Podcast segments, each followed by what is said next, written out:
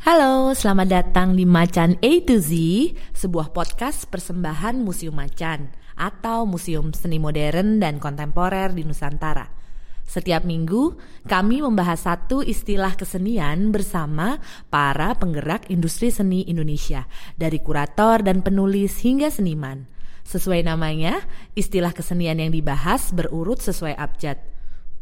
Dalam episode kali ini, kami membahas aliran seni Dadaism bersama Hendro Wianto, seorang kurator independen dan penulis. Apa yang menyebabkan berkembangnya Dadaism? yang sering disebut sebagai anti seni. Apakah Indonesia memiliki seniman beraliran dada?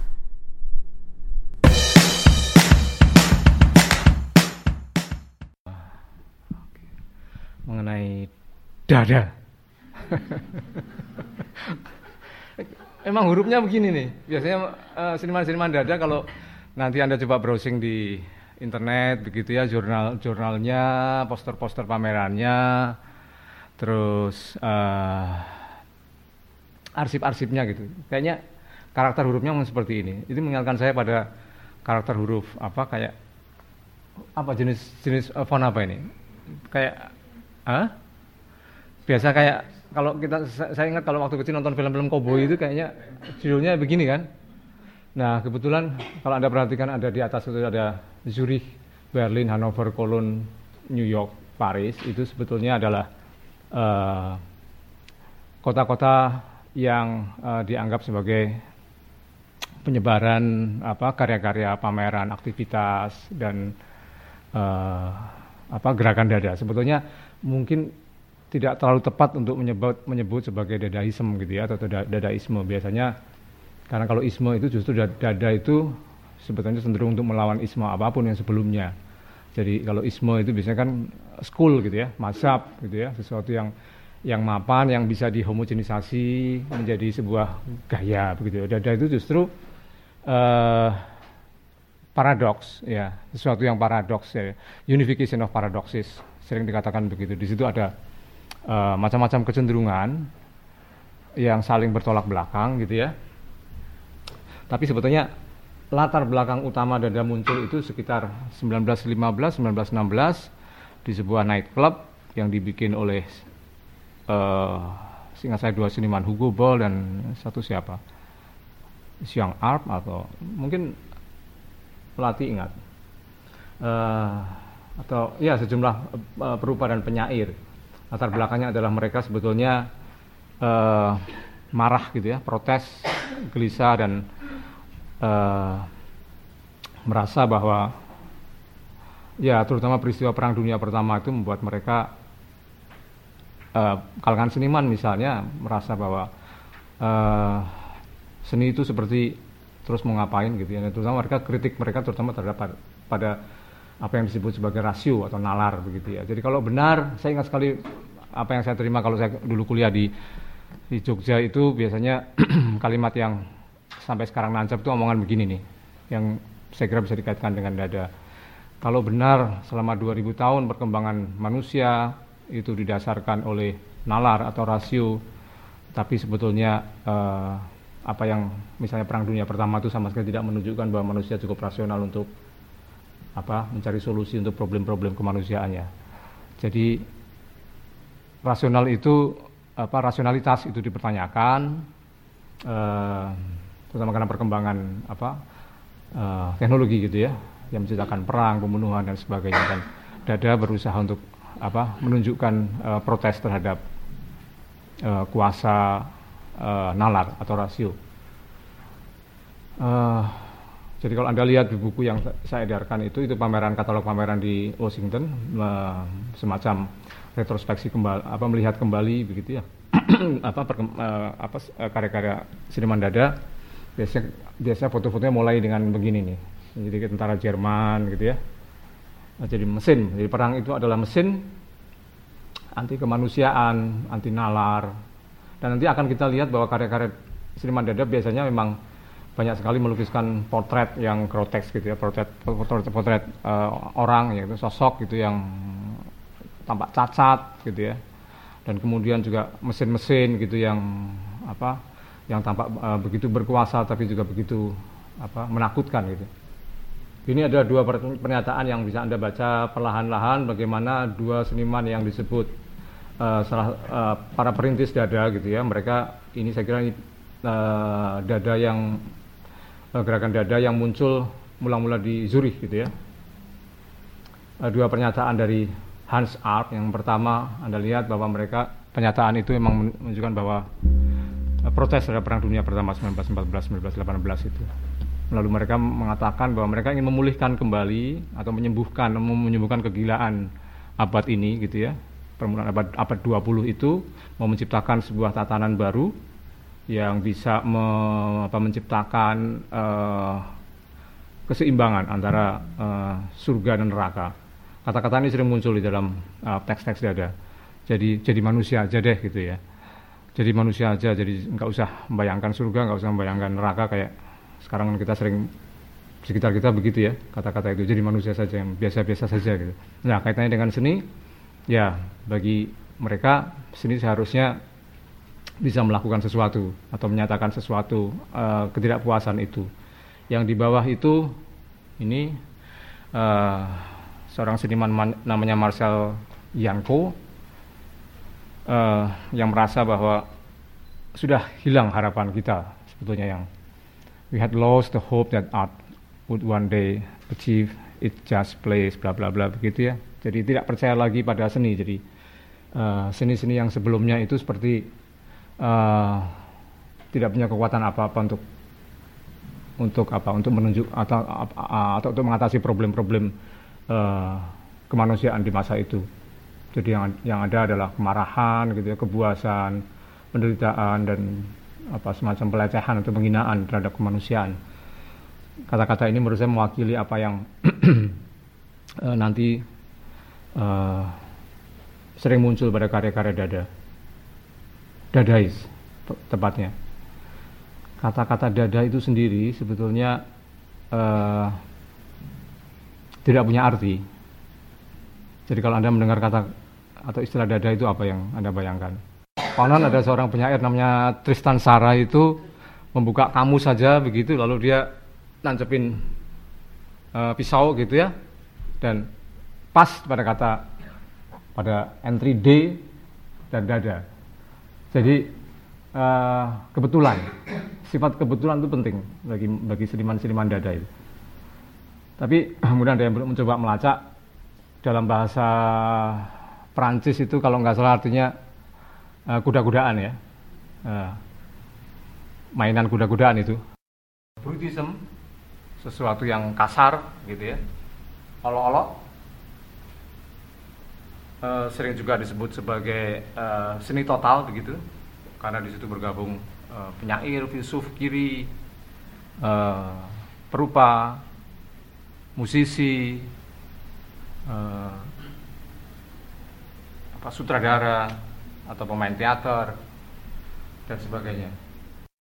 Nah, ini adalah uh, salah satu contoh puisi Hugo Ball 1917, satu tahun setelah uh, dia membentuk uh, kabaret Voltaire itu ya, uh, semacam night, night club tapi untuk pertemuan para seniman untuk pentas dan sebagainya itu. Ini nggak ada artinya, tapi kalau kita baca ini seperti uh, saya membayangkan seperti apa bunyi dari lafal uh, orang Afrika gitu ya. Magis seperti mantra begitu ya. Kamu bisa baca ini mas Karawane judulnya Karawane. Kalau kita baca jadi hanya bunyi sebetulnya noise sebetulnya yang yang mau dikatakan dada. Dan para penyair dada biasa mengatakan bahwa noise itu lebih penting daripada puisi.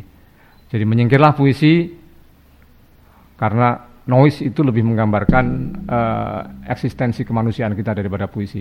Artinya mereka sedang membuat kritik terhadap bahasa tadi, bagian karena bahasa itu adalah uh, apa uh, ekspresi dari nalar gitu ya, yang bisa dimengerti. Jadi di situ ada tata atau order begitu ya, ada tatanan begitu. Maka uh, kalau menolak bahasa, salah satu konsekuensinya adalah uh, termasuk menolak puisi yang dianggap uh, sesuatu yang membawa makna begitu. Kalau bunyi kan enggak. Jadi salah satu ekspresi dadais yang sebetulnya saya kira itu memang pengaruhnya ke mana-mana. Nanti saya kira di Indonesia itu tahun 70-an juga ada kan uh, kecenderungan puisi konkret begitu ya. Lalu ada seorang penyair yang mengatakan bahwa uh, melepaskan uh, kata dari beban makna gitu ya menjadi mantra dan sebagainya. Sutarji Kausum Bakri misalnya ya Darmanto tapi Darmanto lebih masih campur-campur ya ya campur uh, penggunaan apa multilingual kalau pada pada Darmanto misalnya. Nah di sebelah kanan ini mesti dinikmati ini ya dinikmati lama-lama gitu. Jadi kalau kita melihat ini lalu apa ini maunya dan apa yang apa yang bisa kita bisa kita cerap gitu di gambar Mona Lisa yang kita agung-agungkan itu yang diperbutkan eh, apa yang membuat orang seluruh dunia ngantri pengen pengen ngelihat langsung gitu ya kalau ke Paris ke Museum Louvre gitu kan ini oleh Dusam cuman ditambahin ya di repro ditambahin dengan gambar pensil kumis dan apa uh, jenggot gitu ya jadi dengan cara itu karyanya menjadi tidak tidak kalah terkenal ya dengan karya Mona Lisa dan Duchamp tidak kalah terkenal dengan dengan Da Vinci. Ini ekspresi paling dadais dari dari orang yang namanya Duchamp yang menurut menurut saya kira menurut banyak orang menurut menurut saya juga dan menurut um, orang-orang seni rupa itu mengubah seluruh lanskap uh, seni rupa menjadi menjadi sesuatu yang apa uh, ya berubah. Jadi kalau pernyataan Duchamp terutama kan bukan lagi kita menggunakan mata kita untuk melihat seni, tetapi kita harus menggunakan nalar kita gitu ya. Jadi bukan lagi gejala retinal. Kalau misalnya kita copot uh, kumis dan jenggotnya ini kan kita menikmati betul ya uh, keindahan dalam tanda petik gitu ya, keanggunan gitu ya, atau misteri dari karya Mona Lisa. Nah begitu ditambahin kayak begini oleh Dusam jadi kayak kita kayaknya mesti mikir ya kayak gitu. Mesti mikir jadi uh, bukan sesuatu yang ditangkap oleh kepekaan mata gitu yang buat kita mabuk keindahan begitu ya, tapi ini apa nih maunya Dusam gitu ya. Nanti akan ada pernyataan Dusam bahwa dia menolak sesuatu yang klasik dan seni itu bagi dia tidak cocok gitu ya. Sebenarnya nggak cocok dengan dengan apa dengan dengan alam, tidak cocok menurut dia sebetulnya. Dan apa sudah terlalu menjadi menjadi mitos jadi harus di harus dimainkan gitu ya. Harus dimainkan dan uh, nanti ada juga pernyataan Dusa mengenai tadi Bapak. Sikap kebetulan itu sangat penting pada pada hidup kita. Tentu saja pada pada cara berkarya seniman nantinya gitu ya. Nanti saya akan berikan contoh uh, bagaimana sebuah karya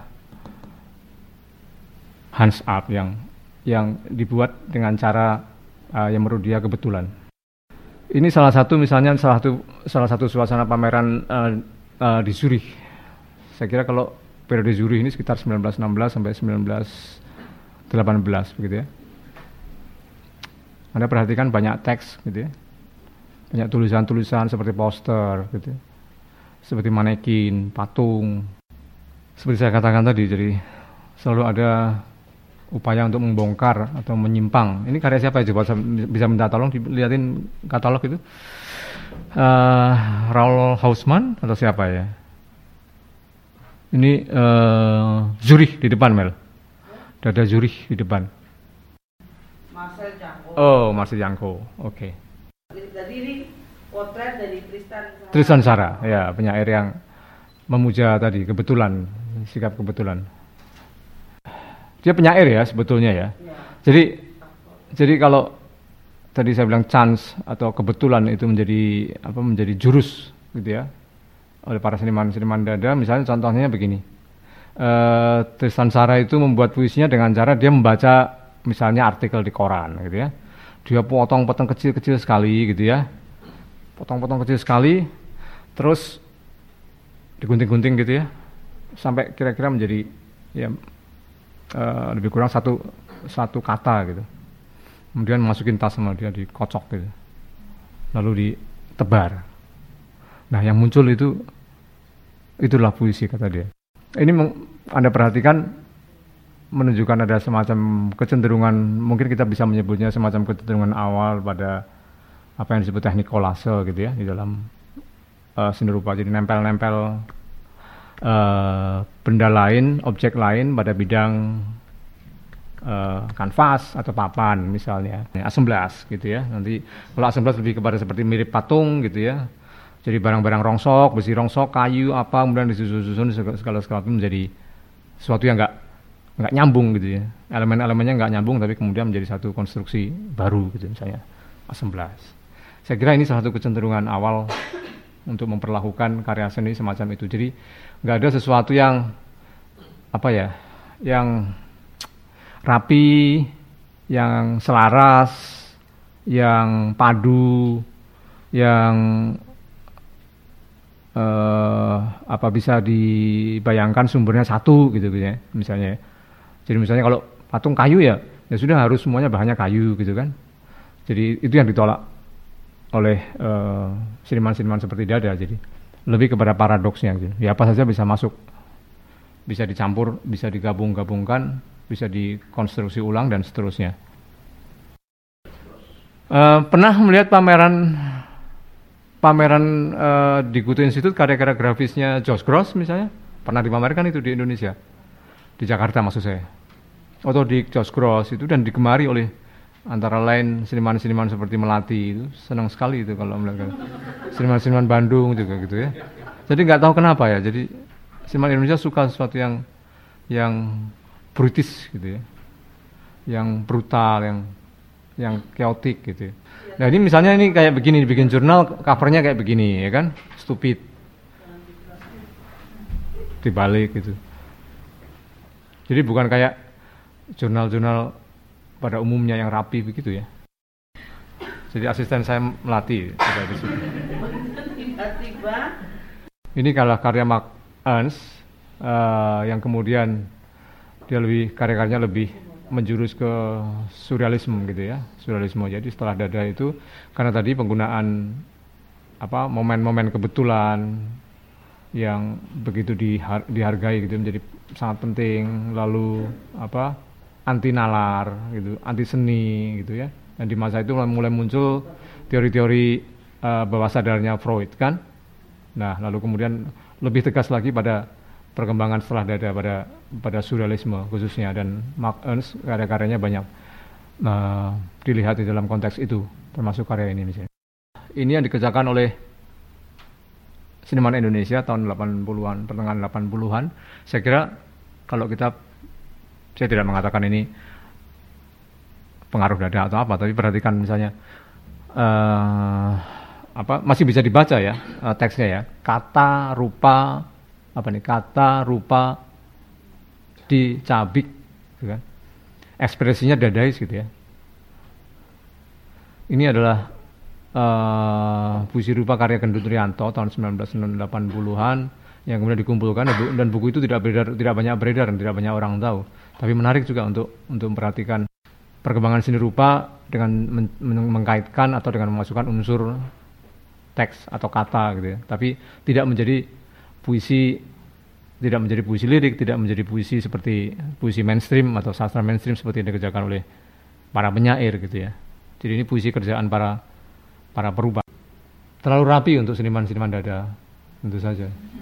Terlalu, ya kan? Rapi banget. Ya karena latar ya latar belakangnya kan uh, desain grafis sebetulnya. Nalar bahasa atau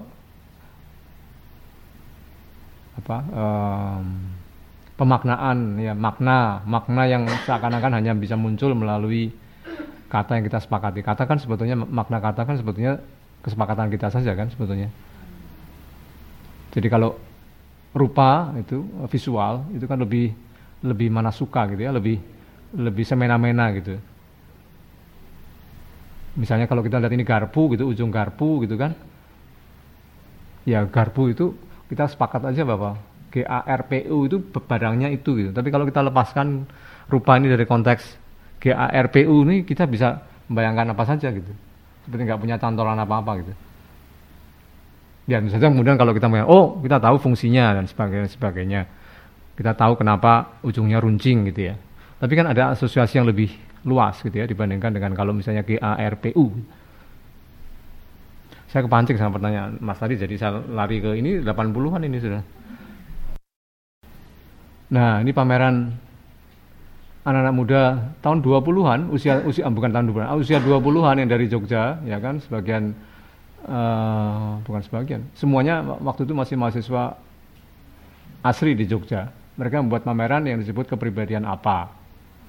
Dan ini uh, sampul belakang dari katalog tahun 70 79 kalau nggak salah ini. 77 atau 79 saya lupa. Ya teksnya menunjukkan bahwa mereka uh, tadi seperti gaya-gaya seniman dada kan, menolak establishment, menolak isme, goodbye kaum tuek gitu kan, yang di atas itu kan. Mari total itu mengingatkan Gesam Works dari dada kan, total art. Karikatural gitu. Pameran yang kedua itu uh, hanya berlangsung tiga hari karena ditutup polisi Lalu kemudian mereka menciptakan pernyataan yang menurut saya menarik juga. Tidak penting pameran itu dibuka oleh siapa, ini ekspresinya dadais banget. Tetapi lebih penting pameran itu ya, lebih penting uh, yang menutup, uh, lebih penting pameran itu ditutup oleh siapa dan polisi yang menutup. Karena ada karya yang ditengarai uh, di pameran itu uh, pornografis dan sebagainya. Tahun 70-an itu kan. Jadi setelah uh, pertengahan 60-an kan uh, isu politik menghilang, haram pada pada karya-karya seni rupa kan. Jadi oke okay, kebudayaan nasional itu mempertimbangkan kembali apa uh, kekayaan tradisi, kelokalan, ornamen dan sebagainya dan sebagainya. Lalu mereka menolak itu kan. Tapi ini masih mahasiswa artinya uh, masih mahasiswa mereka. Jadi kalau pipa itu lebih bereaksi kepada polisi di kampus yang mengharuskan eh, setiap seniman atau setiap mahasiswa punya ciri tertentu gitu ya. Nah, mereka menolak itu, nggak harus nggak harus berciri banget ya, nggak, nggak harus punya nggak nggak perlu punya identitas. Maka mereka bilang ini pipa kan kepribadian apa? Uh, apakah mereka membaca buku?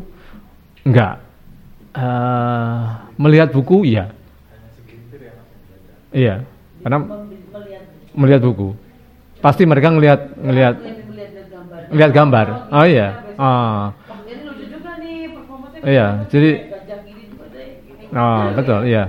Karena misalnya pengakuan Harsono juga begitu. Pada waktu itu tidak ada yang bisa bahasa Inggris, Mas. Jadi nggak mungkin nggak mungkin baca. Dan kadang-kadang nggak apa uh, halamannya dirobek, dibawa ke kos-kosan lalu digambar gitu. Kecenderungannya di apa di nggak dipelajari saya kira. Tapi mereka punya intuisi yang menurut saya ba bagus gitu ya. Jadi ini kayaknya bisa kontekstual nih gitu. Jadi spiritnya gitu ya. Spiritnya aja jadi bukan bukan konteks uh, konteks zamannya gitu ya, atau kontennya, tapi uh, bisa menjadi stimulus untuk sesuatu yang lain. Karya temannya melatih juga nih Bonyong Muniardi yang sekarang tetangga yang sekarang sudah gelarnya empu ya kan? Menurut saya menurut saya menarik sekali karya ini. Dan terasa ya. Dedais dedais dalam arti bahwa tadi kita perhatikan selalu ada pretelan gitu ya. Objek-objek dipretelin gitu ya. Figur orang potong-potong jadi fragmen-fragmen gitu. Assembling ya. Uh, frag fragmenting gitu kan. Ini pada pada karya seniman Indonesia Banyong Muniardi ini saya merasakan juga bahwa uh, ekspresinya sangat dedais meskipun istilah itu tidak disebut-sebut di dalam uh, oleh mereka sendiri. Biasanya mereka bilang wah ini pop gitu. Padahal sebenarnya pop itu tentu saja kalau anda baca-baca kan itu perkembangan lanjut dari dari dada kan dan gerakan pop disebut neo dada begitu kan karena penggunaan objek sehari-hari uh, uh, fragmen-fragmen kehidupan dan sebagainya. Uh, secara narasi sejarah begitu kan? Kan uh, dada tidak tidak panjang juga umurnya kan? Hanya sekitar 7-8 tahun gitu. Setelah itu saya kira Dusyam ke mana-mana. Ini salah satu contoh karya misalnya kan Dusyam awal gitu 1916 itu yang sangat terkenal kan? New Descending the Staircase. Karya yang menggegerkan eh, pameran di New York ya. Tahun berapa? 19 Ya, Armorisio itu ya. Iya. Nah, ini saya kira masih cocok juga dengan dari pernyataan untuk menolak keindahan atau keklasikan gitu kan. Karena dia bilang selama ini kalau peluk eh, seniman atau pelukis menggambarkan tubuh telanjang, khususnya tubuh perempuan, itu posenya pasti bukan pasti pose yang kalau enggak rebahan atau berdiri dengan anggun gitu misalnya kan seperti Venus gitu kan. Nah, dia kan dia bilang enggak aja kita dia mau gambarin gimana kalau tubuh itu bergerak gitu. Jadi pernyataan Nuzam di sini misalnya Anda tidak melihat daging sebetulnya di sini. Jadi kalau biasanya peluk seniman-seniman klasik melukis tubuh perempuan harus flashy gitu kan. Ya kan mau like kelihatan ada daging. Bukan, ini jangan melihat dagingnya. Tapi ini gerakan. Apa? E, gerakan tubuh. Jadi lebih abstrak ya. Tapi kelihatan bahwa ada kompleksitas pada karya ini ya. Ada kerumitan, ada perhitungan. Anda bisa bayangin secara apa anatomi utuh lalu e, mengalami apa distorsi seperti ini kan seperti ada hitung-hitungan hitung-hitungan matematisnya ya. Rizam waktu itu diundang sebagai salah satu juri pameran kan, pameran independen kalau tidak salah judulnya. Judul karena judulnya independen itu jadi ya sudah uh, kira-kira tidak ada syarat apa pun untuk mengirimkan karya sini kan silahkan karya apa saja. Tapi Duzam itu sudah a priori mikir kayaknya juri-juri ini ngomong doang deh gitu kan. Jadi rasanya yang mereka sebut independen itu enggak independen independen amat gitu ya. Pasti ada syarat tertentu sehingga pasti nanti ada karya yang ditolak. Lalu dia bikin dia nyari nyari barang ini, nyari urinoir atau urinoir ini kan. Ya sudah, ini kemudian dia tanda tangani, dia kirimkan dengan nama samaran Ermut ini. Benar ditolak. Ya kan, nggak percaya. Pasti ini juri nggak nggak akan menerima karya ini. Dia sebut karya ini sebagai ready, ready made, karya barang jadi yang sudah tidak perlu diapa-apain, ditaruh saja. Lalu dia keluar dari jurinya sebagai juri.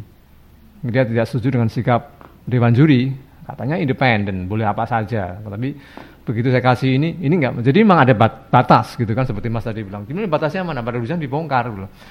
jadi yang menurut saya masalah pertama bergesernya karya seni itu dari objek-objek yang kita lihat kalau pada kasus ini menjadi perbincangan atau menjadi seni menjadi sebuah uh, gagasan yang uh, apa ada di kepala seniman. Eh, jadi jadi problemnya bukan objeknya tapi opini seniman, uh, konsepnya dan apa yang dikatakan. Pergeseran itu kan. Jadi kalau Dusam mati-matian dia bisa mempertahankan bahwa ini karya seni dengan argumen bla bla bla bla bla antara lain argumen dia antara lain yang terkenal kan itu kan sikap acuh tidak acuh Sebetulnya barang-barang yang kita lihat ini sebetulnya membuat kita barang-barang jadi itu membuat kita tidak bisa berkomentar apa-apa menurut dia. Sebetulnya ini seni menurut dia. Karena itu melibatkan desain, perancangan dan sebagainya. Sudah pasti estetik. Coba Anda perhatikan ini kan. Ini kenapa bentuknya juga enak, tapi kita nggak bisa mengatakan ini sebetulnya barang bagus apa enggak. Iya. Barang seni atau enggak. Jadi enggak, enggak apakah ini estetik apa enggak. Karena sudah begitu banjir gitu ya.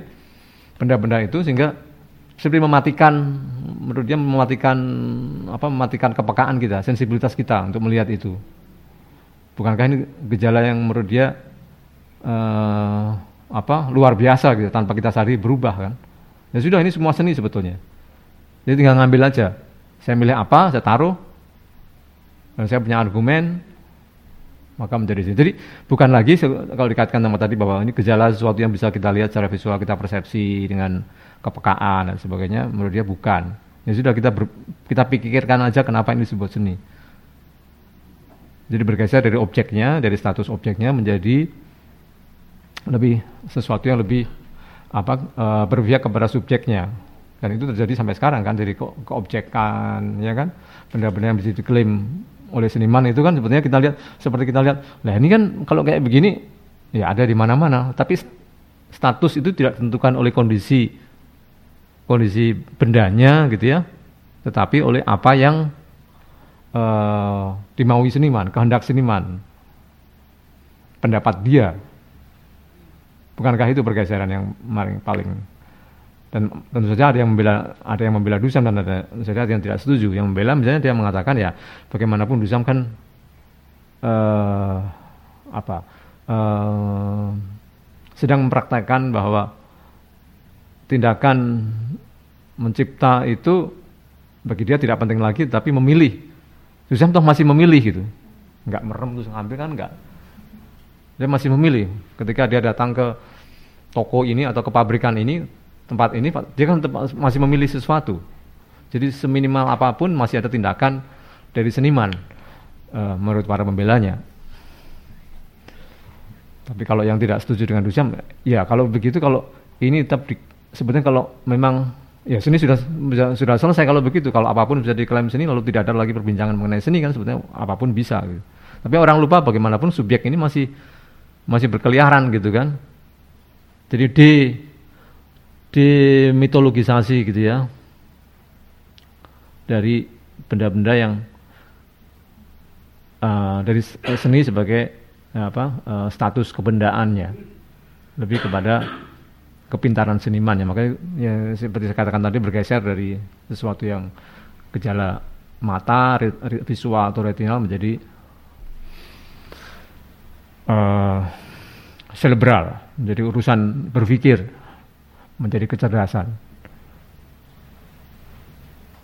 Maka di kemudian hari muncul bermacam kecenderungan seniman karya-karya konseptual ya kan? Karya-karya yang berhubungan dengan apa sains misalnya. Ada satu contoh lagi karya Dusam yang membuat kita jengkel. Jengkel karena ya orang ini mau sebetulnya pintar sekali ya. Jadi artinya uh, dia belajar sesuatu sebetulnya. Apa me, mengamati betul uh, situasi di dalam medan seninya itu, lalu kemudian dia bereaksi. Contoh yang saya bilang tadi yang kita kayak nggak bisa komentar apa-apa kalau melihat ini kan.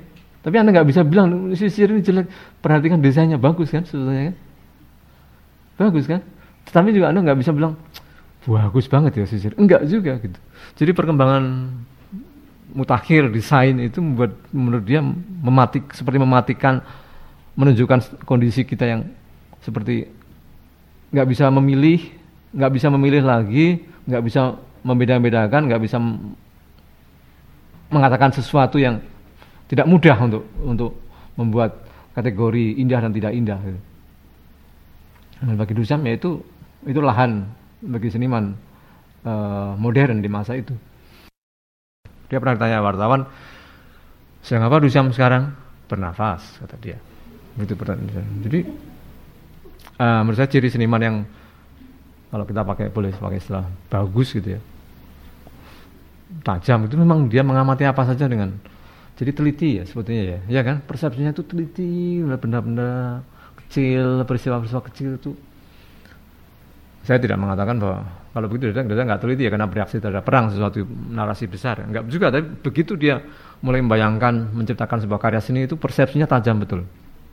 Seluruh apa kemampuan atau kepekaan merasakan, memikirkan sesuatu, menyimpulkan sesuatu, membanding-bandingkan itu luar biasa tajam. Dan itu menurut saya yang sangat berharga dari seniman. Um, dan yang sebenarnya yang berharga dari dada sejauh kita tadi bicarakan ya, menurut saya uh, nalar tidak digunakan sebagai satu-satunya cara gitu ya untuk memaknai banyak hal atau bahkan seluruh hal di dalam di dalam kehidupan kita dalam pengalaman manusiawi kita tapi memperhatikan yang seakan-akan tidak nalar gitu ya. Ditransformasi menjadi sebuah apakah itu menjadi sebuah apa sebuah uh, kecenderungan artistik atau sebuah bentuk pemikiran lain menurut saya itu menarik. Oke terima kasih untuk teman-teman sekalian yang sudah datang